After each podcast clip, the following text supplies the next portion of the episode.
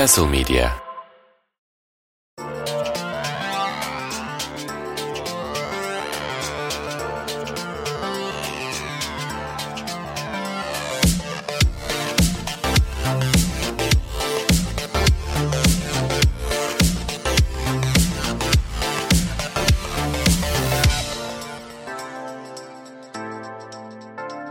Castle Medya'dan herkese merhabalar.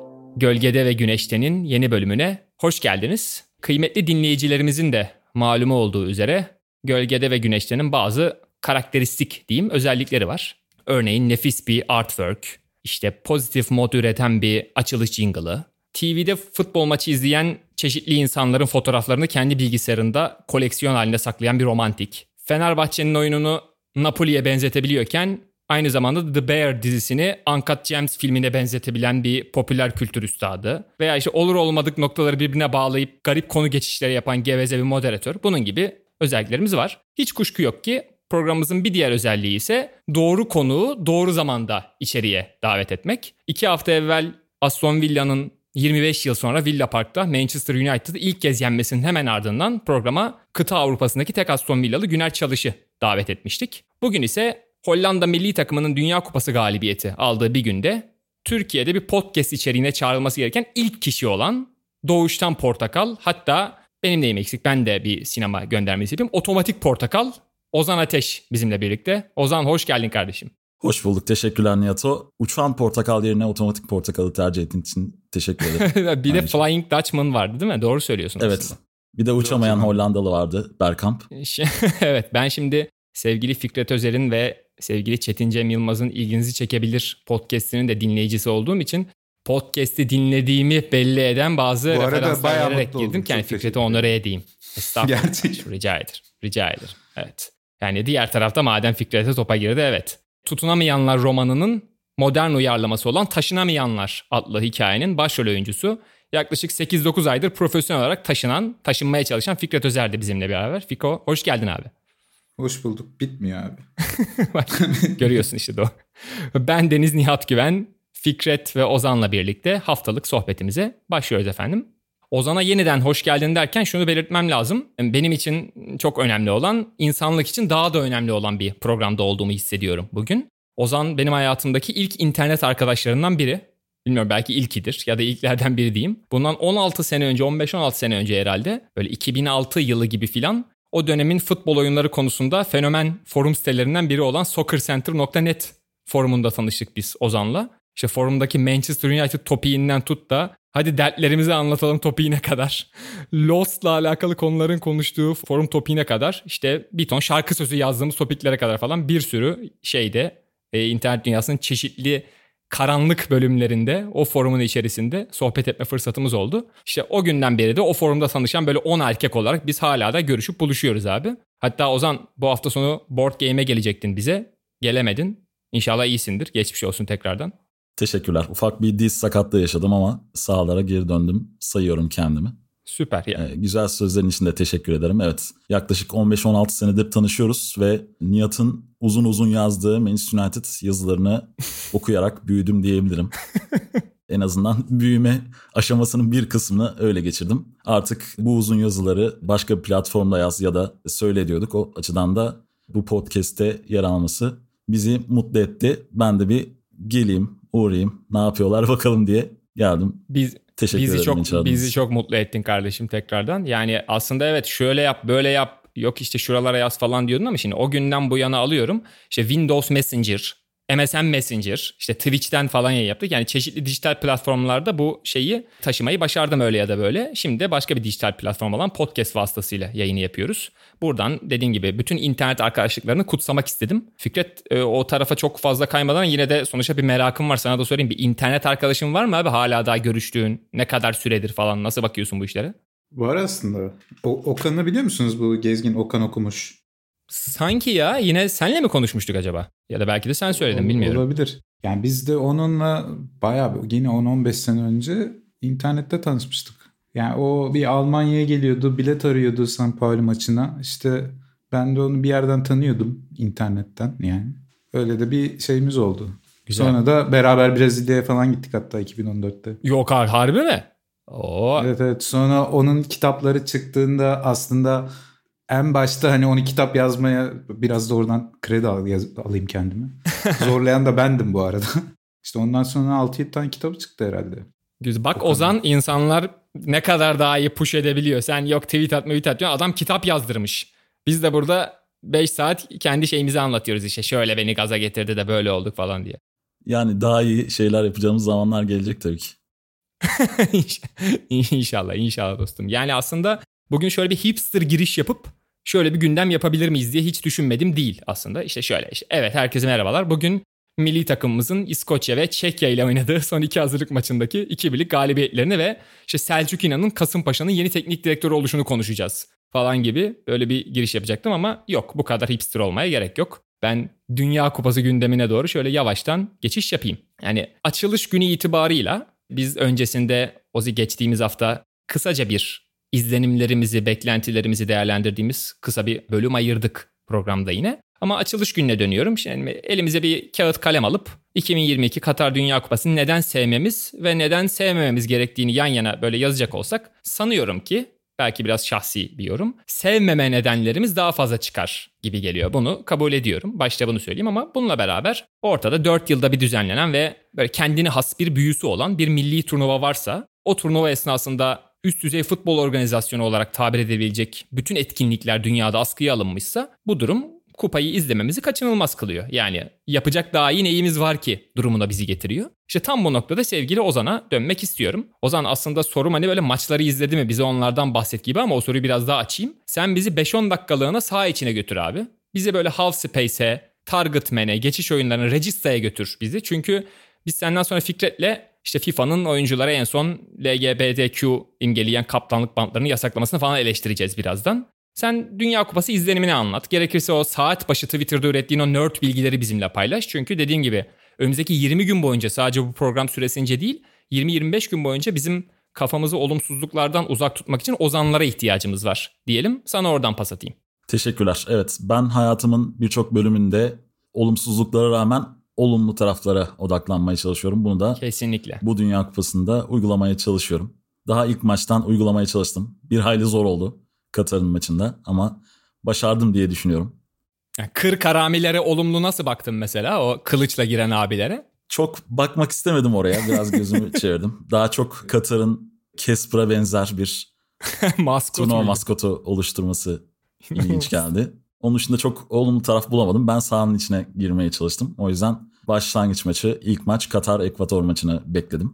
Ama beklediğim kadar da iyi bir maç olmadı aslında. Çoğu insanın beklediği üzere Katar-Ekvador çok kötü bir başlangıç maçı ama hani Katar o kadar kötü bir takım değil veya Ekvador daha iyi işler yapabilir diye insanlar kendilerini kandırmaya çalışıyordu belki de ben de onlardan biriydim ama beklentimizin çok daha altında iki takım gördüm. Katar bir akademi oluşturmuştu 2004 yılında ve bu akademinin bazı sonuçları olarak 2014'te U19 turnuvası kazanlar, 2019'da A takımlı Asya'da kupa kazanlar. Bunlar biraz hype arttırdı. Bunun haricinde işte İspanya ekolünden bazı şeyler katmaya çalıştılar kendilerine. Xavi haricinde İspanyol teknik direktörle çalışıyorlar vesaire derken aslında o kadar da kötü takım değil işte. Çok kötü takımlar gördük. Almanya'ya fark yiyen Suudi Arabistanlar vesaire. O kadar olmayacak bir beklentisiyle başladı aslında ve Katar maça başlarken de ilk 5 dakikada çok agresif başladı. Çok istekli başladı. Belki her şey bizim istediğimiz gibi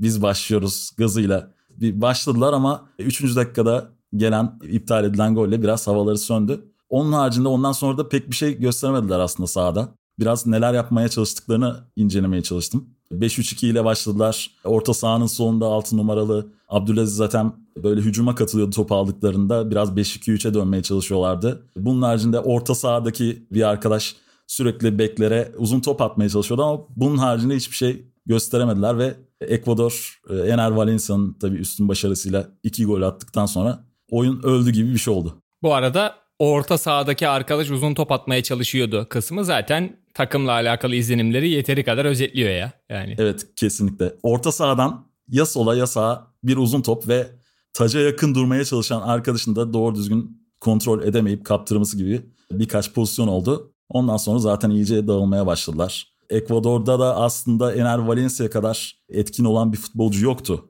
biraz hareketli futbolcular vardı ama son vuruşlarda ya da son hareketlenmelerde pek başarılı olamadılar. O yüzden de bir yandan da belki sonraki maçları düşünüyordu Ekvador. O yüzden ikinci yarıyı Ekvador'da öldürmek istedi diye düşünüyorum. Ve aslında 30 dakikalık bir başlangıç maçı izledik. Yani şimdi Ekvador'un özet ekvatorcusu biri olarak işte hani bu şey Güney Amerika elemelerinden falan böyle bahsediyorum. Yani onlara karşı onların nasıl söyleyeyim böyle hani oyun biraz o ilk 5-10 dakikadan sonra dengeye gelmesinin ardından onların A planı olarak Katar gibi teknik kapasitesi nispeten daha zayıf olan bir takımı çok böyle önde karşılayacağı, çok önde pres yapacağı az çok belliydi. İspanyol ekollü hoca orada işte Xavi'nin ülkeye vermiş olduğu referansla olayı biraz yanlış yerinden mi yakaladı, yanlış hayal mi kurdu diye bir yerinden düşünüyorum. Çünkü sanki o ekvator baskısına karşı üçlü savunmayla hani o baskıyı kırmaya çalışmak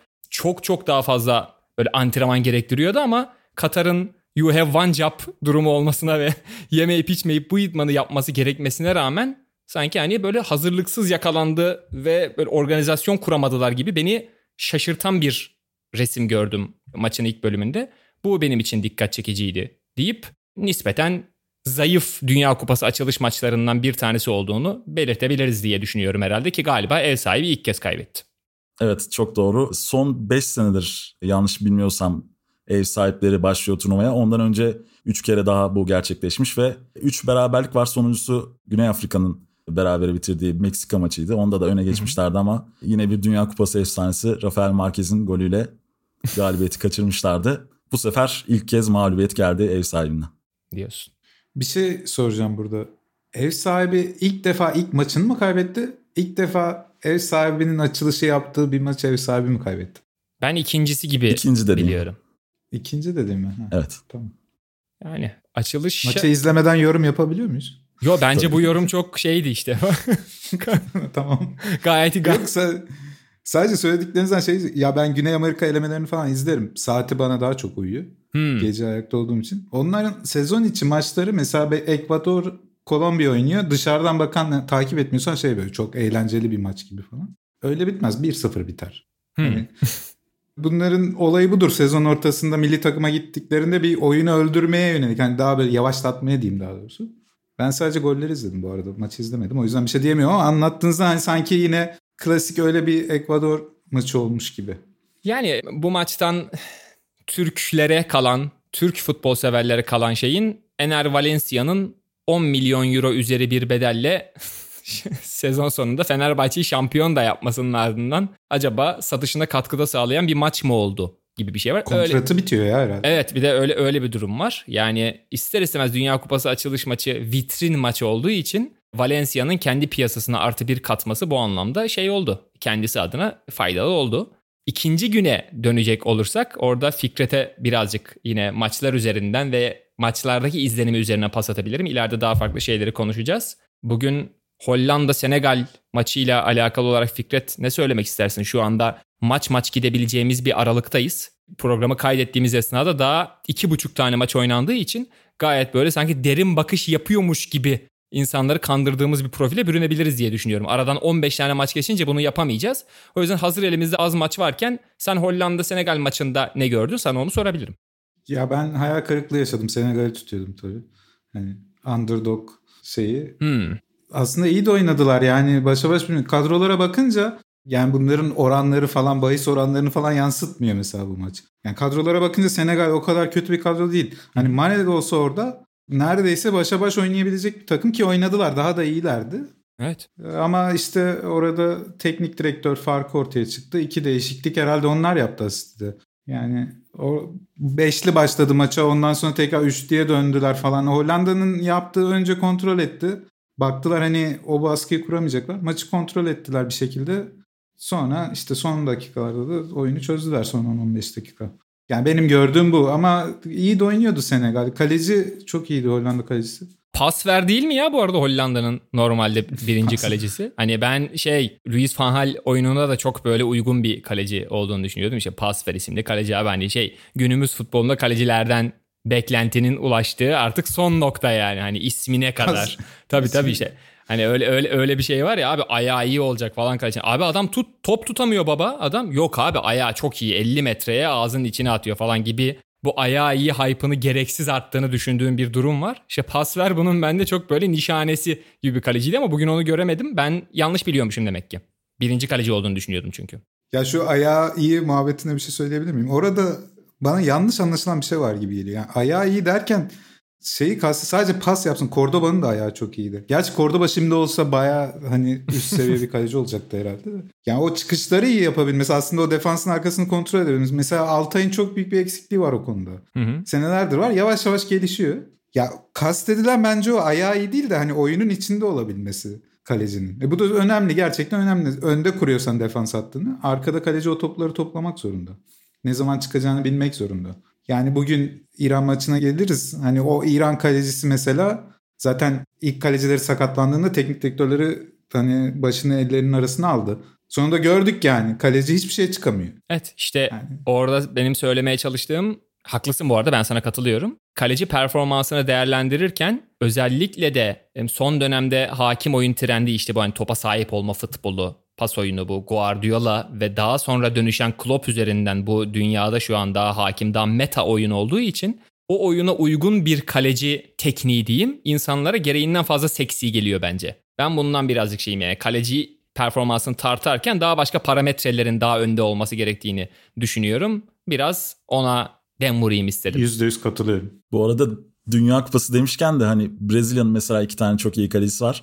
Evet. Orada Alisson, Ederson ayrımında da aslında Alisson'un kalecilik özelliklerinde daha iyi olması sebebiyle az kaleci olması da senin dediğin gibi, senin dediğin taraftan oluştu bence.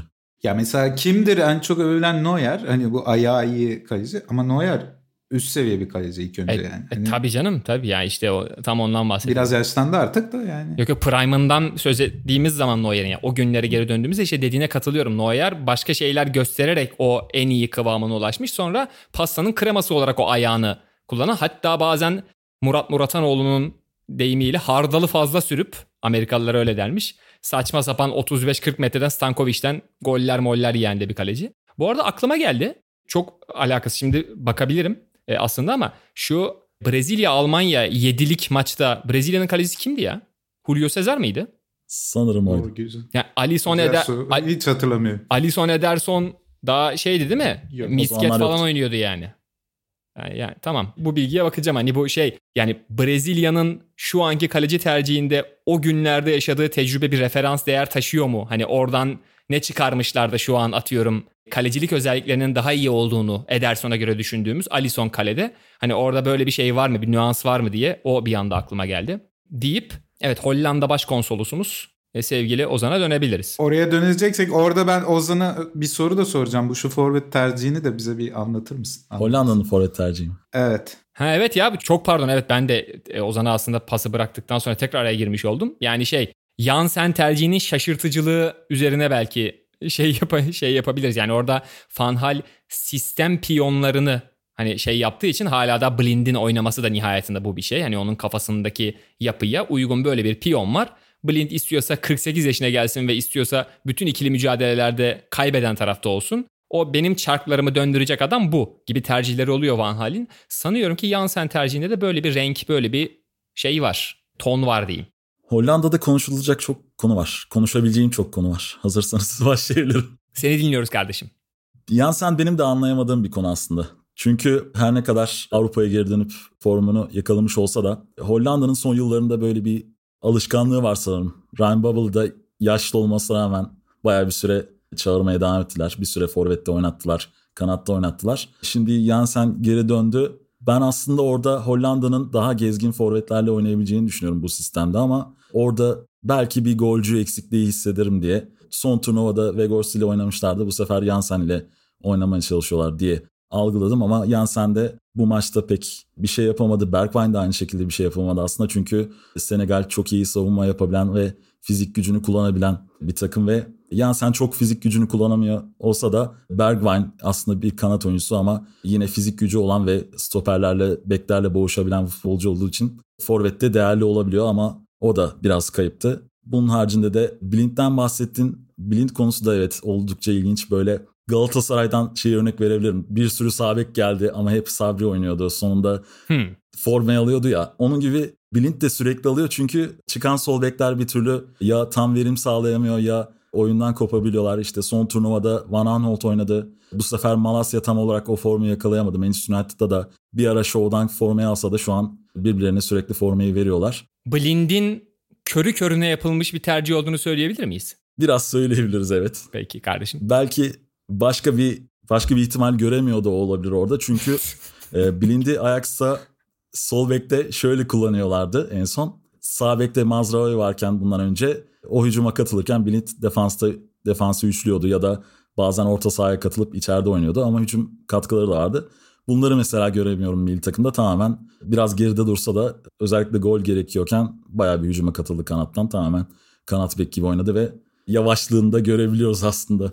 Önü... Çok alakasız e, lafınızı kesen Blind'in bir de kalp sorunu var belki biliyorsunuzdur. Eriksen'le aynı. Hatta evet. 2020'de ağlamış ondan sonra maça çıkmak istememiş. 60. dakikada mı ne hep çıkarıyorlardı onu. Çok eleştiriliyordu hatta niye çıkıyor diye.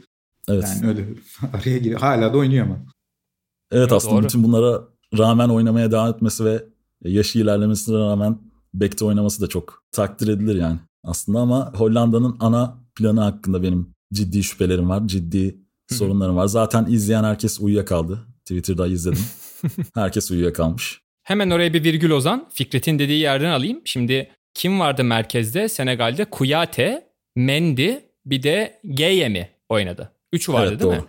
Yani Van Hal'in tam savunma önünde ikinci bölgede diyeyim daha De Jong üzerinden bir kurgu oluşturması aslında oradaki o hani 3 bücürün diyeyim Senegalli 3 bücürün bayağı Hollanda orta sahasına döverek top aldığı falan bir resim oluşturdu. Yani 2-0'lık bu galibiyet aynen Fikret'in girişte söylediği gibi o kazanılan toplarda işi bitirecek olan hem üretebilecek hem de üretilmiş şeyi bitirebilecek olan oyuncu Mane olduğu için Senegal'de onun yokluğuyla beraber o gözle bakılması gereken bir galibiyet oldu gibi işin sonunda. Hani Mane olsaydı Senegal kazanırdı demek çok cesurcu olur bence. Pek manalı değil. Ama diğer taraftan Senegal'in bu özellikle de oyunun daha büyük bölümünde diyeyim tam o merkeze kurduğu o üstünlük Mane olsaydı belki Hollanda'ya daha pahalıya patlayabilirdi. O yüzden o senin dediğin A planında bazı tereddütlerim var cümlesini ben de öyle şey oldum. Duydum, okudum diyeyim.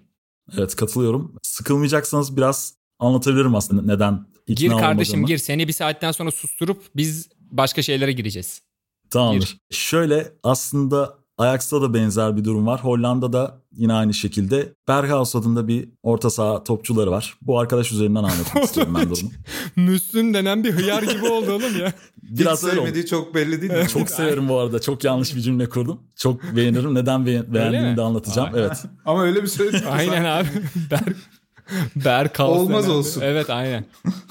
Şöyle bu arkadaş yine aynı cümleyle başladım ama bu arkadaş Berghaus bundan önce Ajax'tan önce Feyenoord'da oynuyordu ve bir sağ kanat oyuncusuydu. Hı hı. Klasik içeri girip şut çeken futbolculardan sayılabilir ama çok da hızıyla, driplingle öne çıkan değil. Daha çok aklı başında oynayan, paslarıyla ve golleriyle öne çıkan bir futbolcuydu. Ajax'a geldiğinde sağ kanattan ortaya aldılar. Tam olarak forvet arkası değil de bazen forvet arkasında, bazen üçlü orta sahanın sağında görülebilen, bazen sağ kanada açılabilen çok değişik bir rol aldı. O yüzden aslında Ajax'ın dizilişi belli bir diziliş olarak adlandırılamıyordu. 4-3-3'de olabilir, 4-2-3-1'de olabilir. Bunların arasında geçen bir takımdı. Ve bu transfer olduktan sonra Van Hal'in de bir açıklaması oldu. O zamanlar 4-3-3 oynayan ve bir yandan da yine 5'li defansa dönmeyi düşünen bir hocaydı. Dedi ki 10 numara pozisyonu benim taktiğimde yok, 4-3-3'te yok. O yüzden Ajax'ın Berghaus'u alıp ortada oynatmasını hiç sevmedim, hoşuma gitmedi diye açıklamalar olmuştu. Ne yapacağımı bilmiyorum. Ama belki alternatif planında beşli defansta bir rol alabilir diye söylemişti açıklaması vardı böyle. Daha sonra son zamanlarda hep beşli defans kullanıyor, üçlü stoper. Ama Berghaus'un kullanma şekli çok ilginç. Çünkü normalde Frankie de Jong'un yanında bir tane daha orta saha kullanıp hı hı. onlara üçüncü orta saha gibi kullanması lazım aslında Berghaus'u bence. Daha mantıklı geliyor en azından çünkü hücum oyuncusu olduğu için ama Önceki maçlarda da böyleydi, bu maçta da böyleydi. Frankie de Jong biraz Berhaus'la birlikte orta sahada çok yalnız kaldı ve bu gezgin rolü oynarken de aslında tamamen Frankie de Jong'u orta sahada yalnız bıraktı. Tek başına 3 orta sahaya bahsettiğin o Senegal 3 orta sahasına karşı oynadığı oldu De Jong'un çok fazla ve 3. futbolcu olarak da Gakpo vardı. O da çok formda PSV'de. O da aslında bir hücum oyuncusu ve forvet arkası gibi oynuyordu. Bayağı 5-1 1-3 gibi dizildiği oldu çok fazla Hollanda'nın. Ve değişikliklerden sonra aslında gol geldi. Onu da altını çizmem lazım. Berkaus çıktıktan 5 dakika sonra araya girdim. Evet. İlk gol öyle geldi. İki tane orta sahaya oyunu aldı. Cop Miners ve Deron'u sanırım. Yanlış hatırlamıyorsam. On, pardon Deron dedim. Klassen aldı. Klassen evet. ve Cop Miners aldıktan sonra Frankie de Jong biraz daha serbest oynayabildi. Çünkü arkasını toplayacağı başka arkadaşları vardı yanında ki biliyorsunuz Barcelona'da da uzun süredir daha hücum, hücuma yönelik oynuyor. Çünkü orada Busquets'in varlığı olduğu için bu sene oynayamasa da fazla. E, de Jong'un serbestleşmesi biraz daha orada yaratıcılığını kullanmasını sağladı. Çünkü onun dışında çok yaratıcı futbolcuları yok aslında ortada ve ileride. Hı hı. Bu değişiklik belki bir ders olmuş olabilir Van Hal'e. Sonraki maçlarda farklı bir sistemle oynayabilir. Umarım oynar çünkü daha fazla bu kadar sıkılmak istemiyoruz. De Jong'un 3 stoperin önünde topu alıp verdiği ilginç dakikalar yaşadık maçta. Ya bir ara hani böyle yedili oynuyor gibi falan geldi Hollanda bana. Yedi defanslı. Gerçekten öyle bir durum var. Evet o iki kişiyi bir bayağı bir araya çekiyorlar. Orta sahada da karşılamıyor o üçlüyü. Daha defans bile onda karşılayıp. Ha, ilginç. Yani Senegal tarafından izlediğim için ben belki sıkılmadım maçta. Bana o kadar sıkıntı gelmedi. Senegal'in ama atak gol... yaptığı kısımlar iyiydi. Evet. Baskı kur evet. kuruyorlardı. Hollanda'yı çıkarmıyorlardı ama Hollanda topu aldığında çok da anlamlı olmayan şeyler izliyorduk biraz. Ya Luis van Hal'in zaten özellikle de kariyerinin teknik direktörlük kariyerinin son bölümünde ki bildiğim kadarıyla Dünya Kupası sonrası maalesef hani şu an halihazırda prostat kanseri teşhisi var galiba. Dünya Kupası'ndan sonra da görevi Kuman'a bırakacak diye biliyorum. Yani onun bu kariyerinin son döneminde çılgın profesör tırnak içinde o tarzda yaptığı değişikliklerin, müdahalelerin Hollanda milli takımına bir şekilde yaraması, bir şekilde onlara bir şeyler kazandırması benim ekstra hoşuma gidiyor. Normalde Luis van Gaal ile alakalı anılarım pek şey değil, güzel değil. Çünkü Manchester United'da my philosophy, my philosophy deyip topa sahip olalım başka herhangi bir şey üretmesek de olur deyip takımın bütün oyun keyfinin içine ettiği çok ciddi bir dönem vardı Van Hal'in maalesef. Ama işte o Robin van Persie'nin uçan kafayla hani o İspanya golünü attığı kupa serüveni de dahil olmak üzere. İşte atıyorum kaleci değişikliğiyle penaltılarda maç aldığı tur geçtiği dönemde olmak üzere Van Hal'in bu tip böyle değişik işlerinin diyeyim bir şekilde Hollanda'ya sonuç getirmesi bana bir böyle guilty pleasure tarzı bir şey veriyor, bir keyif veriyor. Ama diğer tarafın A planının belli alarmlar verdiği de ortada demişti Ozan deyip Hollanda Senegal'i böyle kapatabiliriz. Fikret bir şey mi ekleyeceksin? Evet kaleci konuştuk. Mendy yani çok büyük hayal kırıklığına uğrattı beni. Ya Chelsea'de de neden oynamadığını hmm. şimdi anladım yani.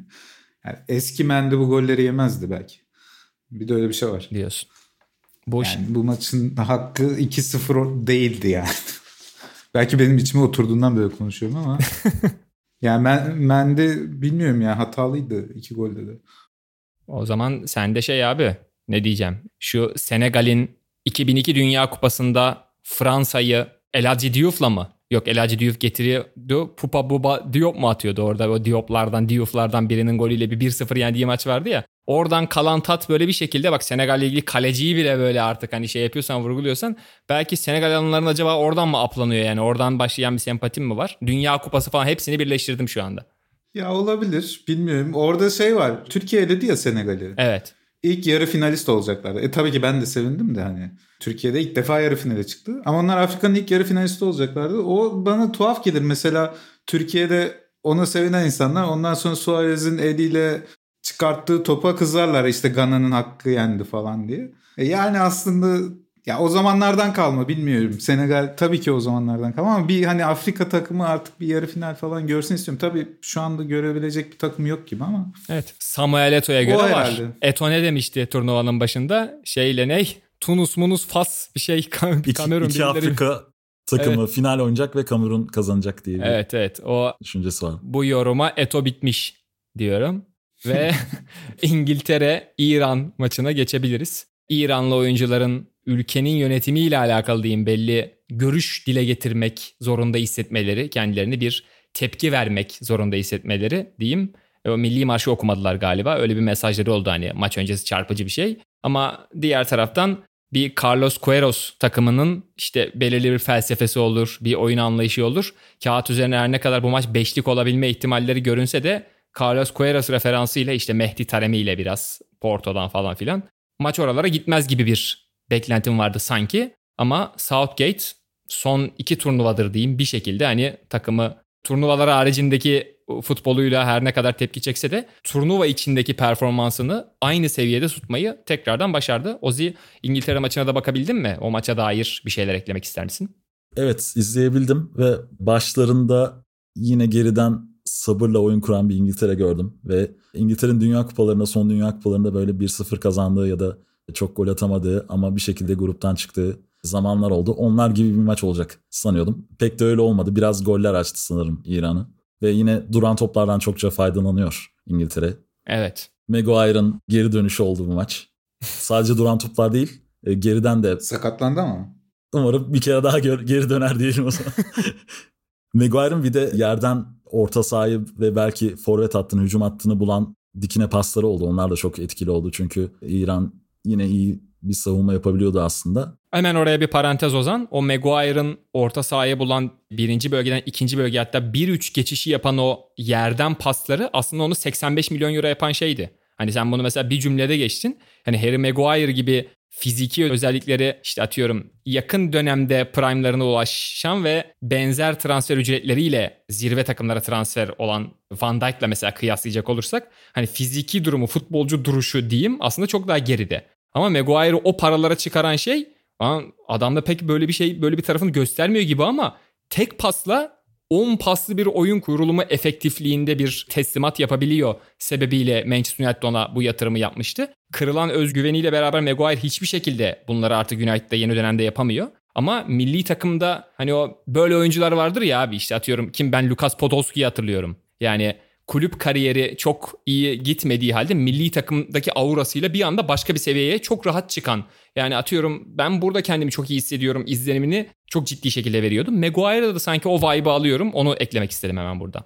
Maguire'da bu sene ekstra bir depresyon durumu olabilir. O yüzden Southgate ekstra bir mesai harcamış olabilir. İşte kulüp takımını tamamen bırak. Bir ay buradasın. Tamamen odaklanacaksın. Çünkü dediğin gibi özgüven çok önemli. E, zaten futbolcularda genel olarak çok önemli. Bu bahsettiğimiz paslar da aslında özgüven pasları. Çünkü karşında belki 5-6 savunma oyuncusunu geçen ve arada bir yerden çok iyi, ideal bir hızla atman gereken bir pas. Özgüveni olmayan bir futbolcu bunları denemeyecek. Ama demek ki özgüven aşılamış ve denk geldiniz mi bilmiyorum ama antrenmanlardan da bir videosunu paylaştılar Maguire'ın böyle herkesi hmm. geçiyor sağına soluna alıyor.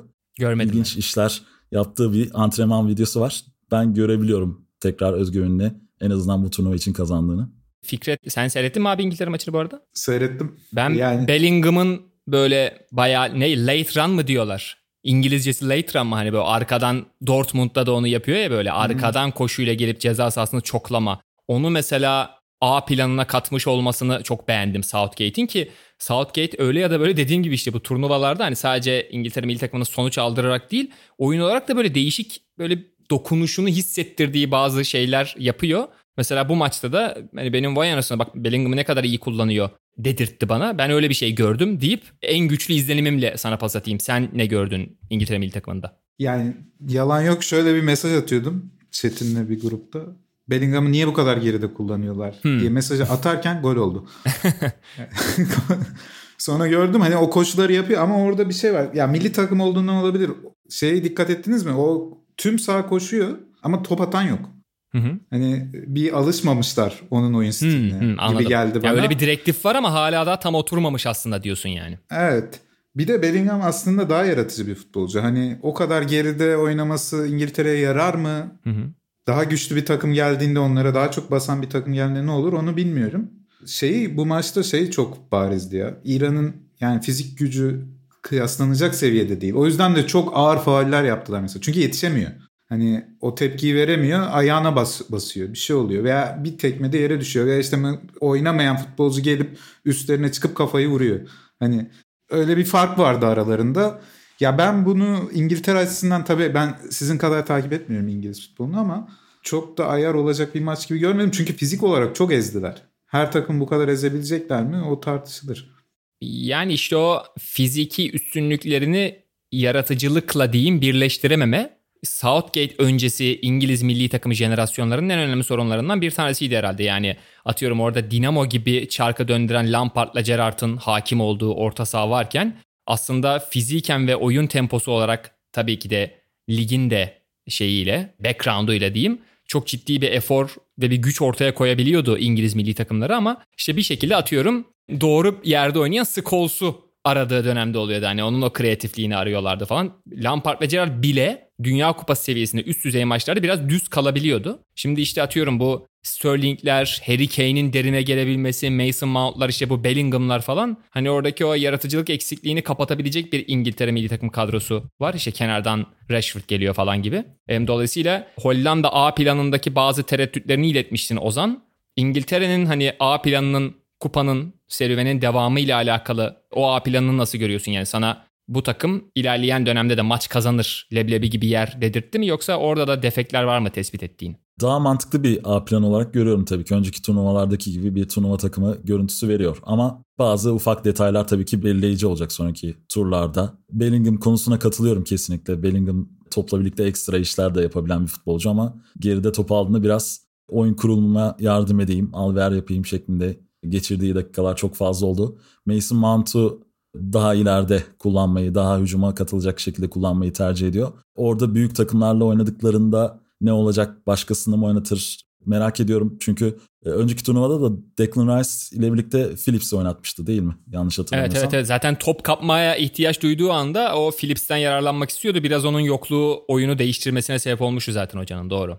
Evet ve bu turnuvada da aynısını yapacak mı? Çünkü Phillips de hem sakatlık sorunu yaşadı ve bu sene oynamadı neredeyse. Hiç oynamadı hatta galiba. Emin değilim şu an ama büyük takımlara karşı oynarken orada nasıl bir reaksiyon verecek? Mount'u tercih edip Bellingham'ı kenara atmaz diye umuyorum. Bellingham'ı oynatırsa nasıl bir plan ortaya koyacak? Ve Phil Foden ilk 11'e girecek mi? Bunun gibi meraklarım var. Onlar biraz belirleyici olacak rakibe göre. Kane için şeyi düşünüyordum izlerken. Normalde hani bu Kane'in sağ koşuları var ya hatta Gomez Stuttgart'a döndüğünde bir maçta işte maç sonu röportaj yapıyorlar. Orada 2-3 defa sağ kanada koşu yaptı. Oradan içeri orta yaptı Gomez. Bana Kane gibi oyna. Tayfun da hatta hocada. Hmm. Kane gibi oynayabilir misin dedi. Oynarım dedim. Onun yaptıklarını yaptım dedi. Hani tam bunu düşünüyordum. Çünkü milli hiç yapmadı bugün. Sonra bir gol oldu işte. Bir sağa doğru açıldı. Kesti topu kesti. evet. Aynen. Atamadı ama onu da sakatlandı bu arada. Kane de değil mi? O da sakatlanıp çıktı herhalde. Kane sakatlık sebebiyle mi çıktı ya? Tam ben mi hatırlayamadım? Bilmiyorum yanlışlıkla görmüş olabilirim. Hatırladığım kadarıyla Wilson'ı oyuna alacaktı da gol yediklerinde bir bekletti. Sonra tekrar gol attıklarında aldı gibi bir durum oldu. Belki sakatlık değildir o yüzden ben de emin olamamışım.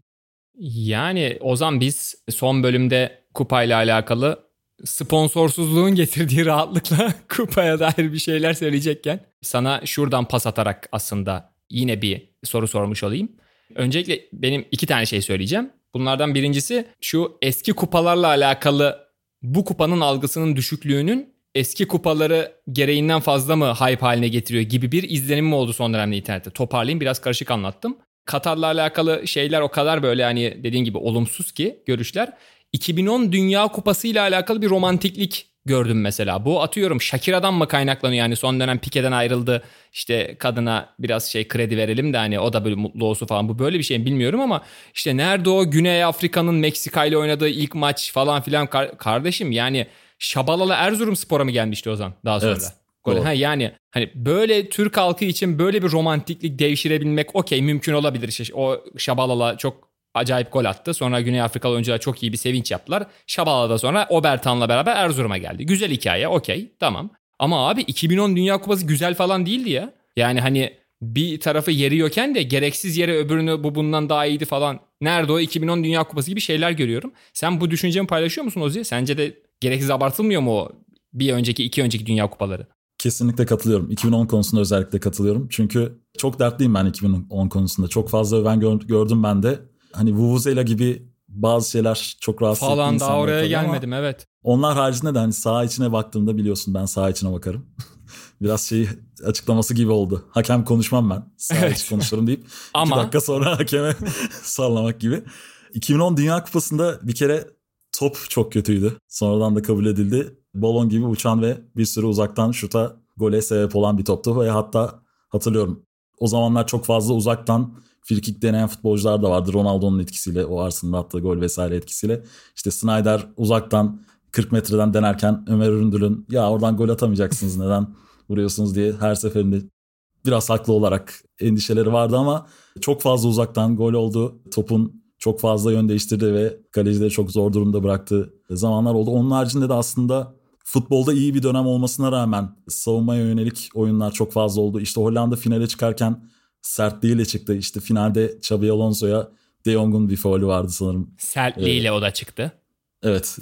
Aynı şekilde İspanya'da aslında çok iyi bir döneminde olmasına rağmen turnuvalarda başarılı olduğu dönemde en savunmaya yönelik ya da en az gol atabildiği turnuvaydı. Çünkü Torres formsuzluğa başlamıştı. İşte aslında Barcelona kadrosunda Messi'yi çıkarıp yerine Xabi Alonso'yu koysak ne olurdu gibi bir ön hattıyla oynuyordu. O İspanya. Torres formsuzluğuna David Villa grupta taşıdı. Çok evet. böyle şey olmaz. E, pek adı alınmaz çıktı. ama David Villa ile kurtuldular o Torres formsuzluğundan 2010'da falan. Ama Kesinlikle. yani sen de o turnuvanın genel algısının hani Katar'ın algısının düşüklüğü sebebiyle olur olmadık turnuvaların yukarı aplanmaya çalışması olarak sen de görüyorsun diye anlıyorum. Bu arada hemen buraya da bir parantez.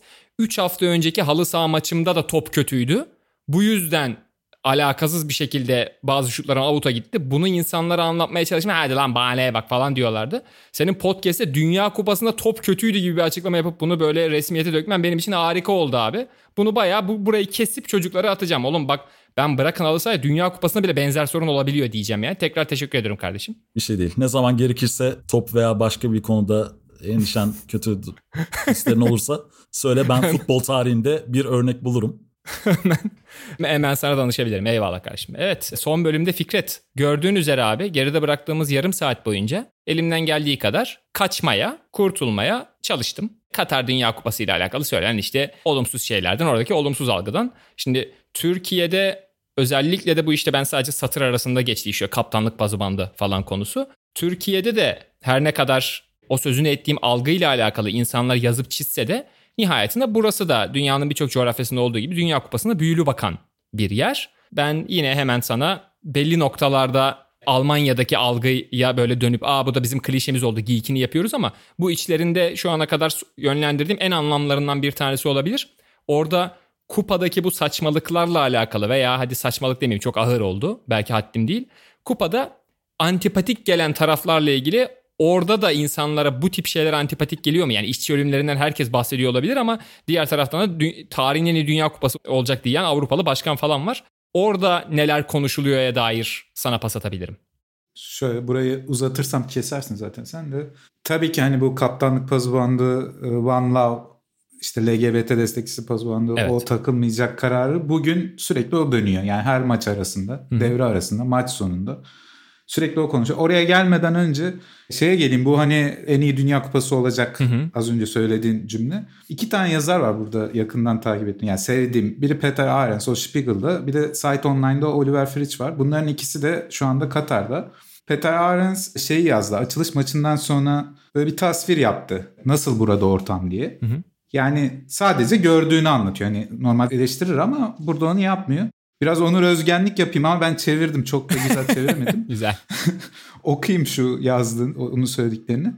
Milyonların yaşadığı bu ışıltılı şehir doğadan ayrılırsanız kendinizi ister istemez taş çölde bulacaksınız diyor. Taş bir çölde. Sadece 5 şeritli bir otobanla kesişen, yaz kış orada duran acımasız bir güneşin aydınlattığı, her çatlaktan tozların girdiği o taşlar, dağlar sonsuza kadar uzanıyor diyor.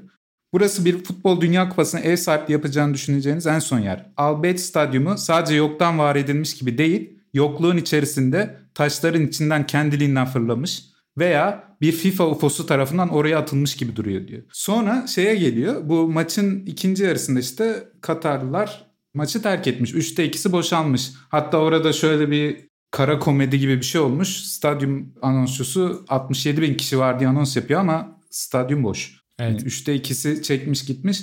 Burada işte bir soru soruyor. Tüm zamanların en iyi kupası böyle mi olacak diyor. Çünkü bundan sonraki turlarda mesela ben Brezilya'da son 16'da o da benim şansım Costa Rica Yunanistan maçı izlemiştim. İnanılmaz ee, bir olay ya. CV'ne yaz abi. Costa Rica hani o inanılmaz gruptan ölüm grubundan çıktı ya. Öyle olunca ikisi denk geldi. Ama o maç bile tıklım tıklımdı. O maç penaltılara gitti. Sonuna kadar herkes dedi. Kimse bir yere gitmedi. Sonunda da dağılısı yoktu milletin. Çünkü orada bir futbol kültürü var. Futbol taraftarları var. Futbol izlemeye geliyorlar. Buraya gelenler bana şey gibi geliyor. Hani bir şeyin reklamı çok yapılır. Sen de ya gideyim göreyim bir neymiş bu bakayım. Hani Değil mi? Bir tadına bakayım falan gibi geliyorlar. Maçtan da bir şey anlamıyorlar. Gidiyorlar ki katılırım maç çok kötüydü. Oliver Fritz de şunu söylüyor. Tabii hani programın başında da söyledin. Biz vicdanen bunun olmaması gerektiğini düşünüyoruz ama izliyoruz bu Hı-hı. kupayı. Oliver Fritz de şu anda Katar'da Sight Online'ı temsil ediyor. Ben oraya gidince Katar kazandı mı diye bir yazı yazmış. Ve cevabı da evet. Yani çok üzücü bir şekilde bitiyor yazı. Şöyle diyor ben bunu şahsi bir yenilgi olarak kabul ediyorum diyor. Çünkü bu sadece hani daha önce de Dünya Kupası politik araç olarak kullanıldı. Daha önce de büyük spor organizasyonları işte bu sports washing muhabbeti hani aklama için kullanıldı. Hitler'den tutun da işte 78 Dünya Kupası hani hep geçmişi anlatıyoruz ya böyle ama geçmişte de aslında FIFA hep pislik yaptı. FIFA'ydı. Yani. O evet hep FIFA'ydı ama buradaki fark işte o Peter Arens'in de söylediği burada futbol yok. Yani gerçekten şu kupayı buradan aldığın anda hiçbir şey yok burada. Yani futbolla ilgilenmiyorlar. Sadece büyük isimlere reklam tarafıyla ilgileniyorlar. Popüler tarafıyla ilgileniyorlar. Şöyle kendini bir kurtarmaya çalışıyor Oliver Fritz. Ben oradayım diyor. Gerekçeler de diyor kulağa hoş geliyor. Şimdi gazetecilerin gerekçeleri ne diyorlar? Boykot bir gazetecilik aracı değildir. Orada bulunmak onay anlamına gelmez. Eleştirel eşlik önemlidir. Orada olmak muhabirlik onurudur diyor. Biz koltuk ahlakçısı değiliz. Hani bunlar diğer insanların söylediği hmm. cümleleri alt alta yazıyor. Hmm. Ve orada bulunma ayrıcalığımın da farkındayım diyor. Bir anısını anlatmış işte Ukrayna'dan kaçıp Almanya'ya gelen komşuları, şu anda komşuları hı hı. Bayağı özeniyorlarmış. Onlar da gitmek istiyor ama gidemiyor falan. Bu ayrıcalığın da farkındayım diyor. Ama bütün bunlara rağmen diyor bunların hiçbiri benim burada olmamı olumlamıyor diyor. Hı. Ve bunu kendisini gönderen gazetede yazıyor. Bu da çok ilginç. Durum bu. Bu ilk gün sonrası durum. İkinci gün daha da karıştı olaylar. Önce komik bir şey söyleyeyim. Bu bira yasaklandığında Neuer çıktı. Bira nasıl yasaklanır diye konuşmaya başladı. Sonra bir parodi hazırlamışlar. Gerçi onu İngilizler yapmış ama orada da kesin benzer şeyler oldu. İşte oraya giden LGBT bireylerine gayliklerini tamamını en azından yarı yarıya göstermemelerini Evet, evet, evet. Gö- İzlemişsin. Gördüm abi, izledim. Bir canlı bağlantı. Evet. Ben onu parodi san yani ne diyeceğim? Parodi değil miydi o? Ben parodi zannettim. Yok, şöyle tam düzelteyim.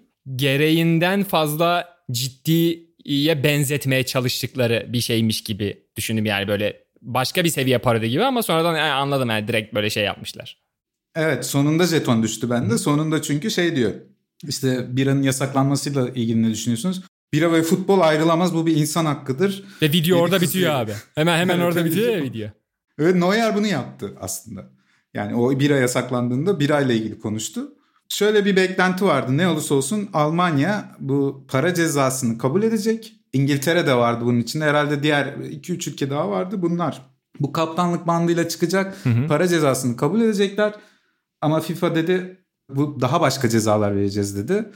Ve buna karşılık da Almanya biz sporcularımızın oyunla ilgili bir ceza almasını istemiyoruz. O yüzden böyle çıkmayacaklar. Oyunla ilgili ceza da neymiş?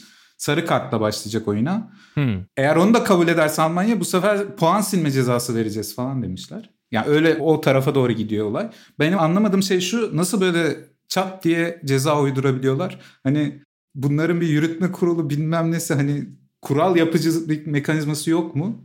Varsa da ne kadar çabuk toplanıyor onu da anlayamadım. 2 milyon dolara turuncu kart bile çıkarırım abi. Hemen anında bir gecede. 2 milyona yani bakar. İşin geldiği boyut da bu. Zaten bu yine bu iki gazeteciden biri ama hangisi söyledi bilmiyorum. Şöyle yansımış Katar'da bu haberde. İşte Avrupa'nın ahlaksızlığına karşı zaferimiz hmm. gibisinden. Yani işte bizim kültürümüzü kabul ettiler.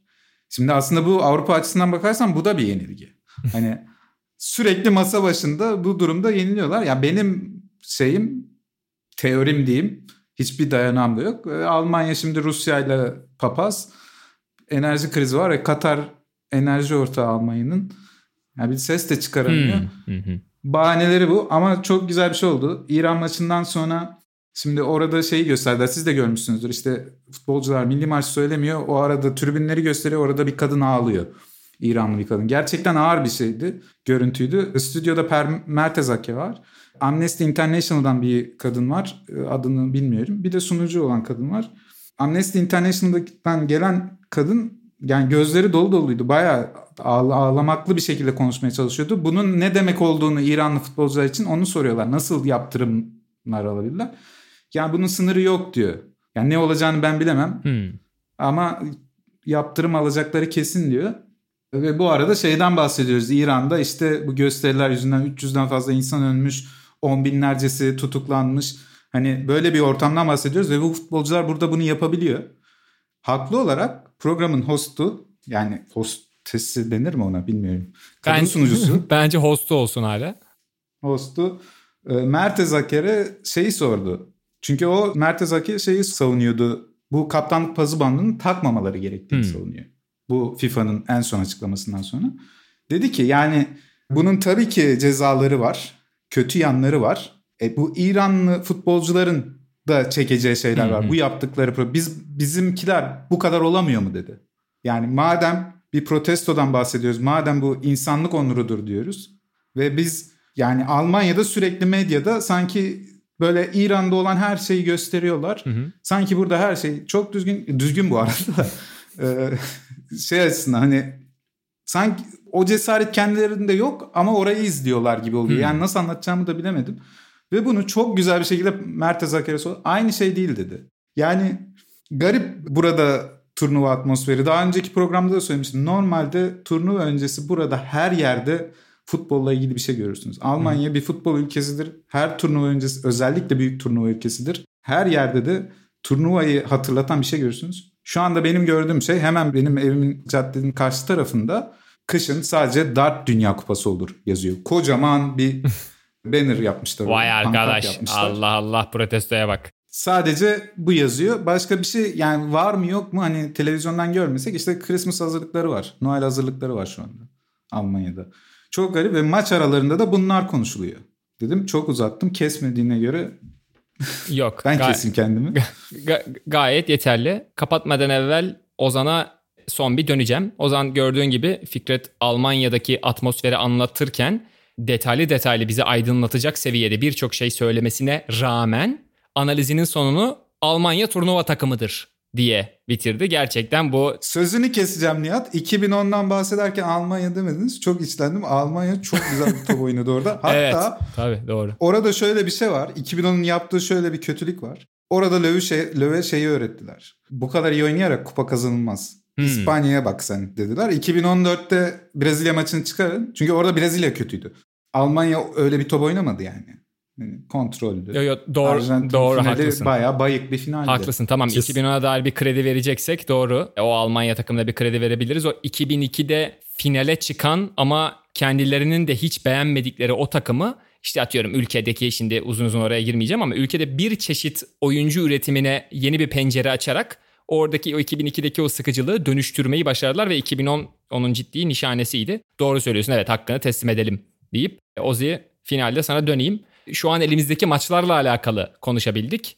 Onun dışında ben son bölümde senden genel olarak hani şu şey var ya yorumcularımıza Dünya Kupası favorilerini sorduk kısmına geldik. Hani madem ki podcasterlarımızdan bir tanesi Almanya turnuva takımıdır gibi bir tespit yaptı o zaman ben de bu klişeye girebilirim abi. O zaman genel olarak turnuva favorin kim ne diyorsun deyip son bölümde sana öyle bir pas atayım.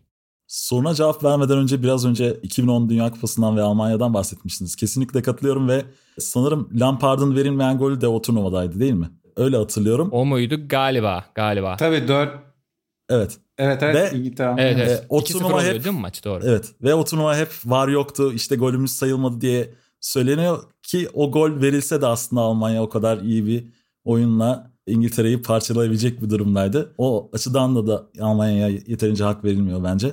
Arjantin'i de paramparça etmediler mi? Çok doğru. kesinlikle. Evet, Almanlıktan aldığım hazzı hiçbir şeyden almadım. Belki bilardodan ama yok yok Almanlık daha iyi şeklindeki Umut Sarıkaya karikatürüne buradan gidiyoruz. Bir de yeni övdüm sağ ol abi diye. Övdüm de geldim diyorsun. Övdüm yani. de geldim pardon. Evet. Güzel. Favori konusuna ben çok giremiyorum ya. Favori ya da kendi favorimi seçmekte zorlanıyorum. Sadece şunu diyebilirim. Herkesin favorileri genelde baktığımda Arjantin ve Brezilya ağırlıkta. Arjantin çoğunlukla Messi sebebiyle tabii. Ben o kadar net favori göremiyorum onları. Fransa'yı katanlar var. Onlara katılıyorum biraz. Fransa konusunda orta sahanın tecrübe eksikliği çok fazla söyleniyor ama bence ben yine oyundan emin değilim Fransa'nın oyunundan. Hmm. Eğer son turnuvadaki gibi Mbappe'yi biraz serbest kanat gibi kullanacaklarsa Benzema yok onun yerine Giroud oynayacaksa Griezmann'la birlikte orada tam o sistemi oluşturamıyorlar gibi. Ondan önce 2016'da ve 2018'de çok iyi bir sistem oluşturmuşlardı. Dört orta saha var aslında ama biri Mbappe çok fazla hücuma katılıyor. Matuidi veya ondan önce Sissoko çok iyi orta sahaya destek veriyor. Doğru. Orada çok uyumlu bir sistem oluşturmuşlardı. O sistemi tekrar oluştururlarsa belki kupa ilerledikçe hatalarını görerek Döşam belki Fransa'yı ben tekrar favori göstermek isterim. Orta sahada da o kadar sorun yaşayacaklarını düşünmüyorum ben. Geniş bir kadroları da var. Kimi tutuyorsun diye sorsaydık keşke. Kimi tutuyorsun? Ben anladığınız üzere Hollanda'yı fazlaca destekliyor tabii. ve Hmm. umuyorum bir şeyler başarmalarını ama zor gözüküyor. Bu arada Nihat da programın başında bahsetmişti bizim ortak tanıştığımız forum günlerini. O zamanlarda da çok ilginç Hollanda aşkım vardı öyle diyeyim. Tabii. Kullandığım nickname'lerde 5-6 Hollandalı futbolcuyu bir arada koyup 40 karakterlik nickler falan oluşturmuştum var. Öyle Tabii bir tabii şu şey Hollanda bir geçmişim var yani. meşhur fotoğraf var ya programın tweet'i ikinci tweet'i atılırken duyuru tweetinden sonraki reminder tweet'i atılırken şu şey Van Persie, Robben, Snyder hani böyle dörtlü mü üçlü mü ne böyle bir şey sanki lise mezuniyet fotoğrafı gibi meşhur bir Evet. poz var. Google'a yazınca direkt çıkar. Ben o fotoğrafı Ozan'ın çektiğini düşünüyordum mesela hani gelen bir araya gelin sizi bir çekeyim hepinizi çok seviyorum abilerim benim falan gibi. Öyle bir Hollandalık. Dolayısıyla evet Ozan'ın tuttuğu takım konusunda çok bir tereddütüm yoktu. Biz de favorimizle alakalı şu an madem sen öyle dedin biz de çekimser kalacağız abi. Sen zaten bu haftalık konuğumuzsun. Biz de senin bu çekimselliğinden faydalanıp önümüzdeki haftalarda görüş vereceğiz ki daha isabetli şey yapabilelim. Ben de böyle bir yol belirliyorum o zaman. Hadi bakalım hocam. Benim şöyle bir isteğim var. Favori olarak değil de sürpriz olarak.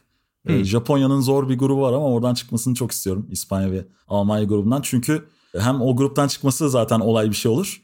Onun haricinde çıkarsa da diğer gruptan Belçika ile eşleşme ihtimalleri var. Geçen turnuvada Belçika Japonya çok ulvi bir maç olmuştu. Ve Doğru. içimde kalmıştı o zaman da Japonya'yı Hmm. biraz destekliyordum. 2-0 öne geçtiler sonra koruyamadılar. En sonunda 2-2'de sanırım kornere fazla futbolcuyla gidip çok güzel bir kontra atakla işini Acayip, belirleyip evet. oturdular. İki tane Stuttgartlı var Japonya'da. Birisi hatta yerel kahraman. Bayağı Stuttgart'ta Endo. Endo gittim ya gitmiştim. Niye gitmişsin? Birisi Endo birisi Ito. İkisi de Stuttgartlı.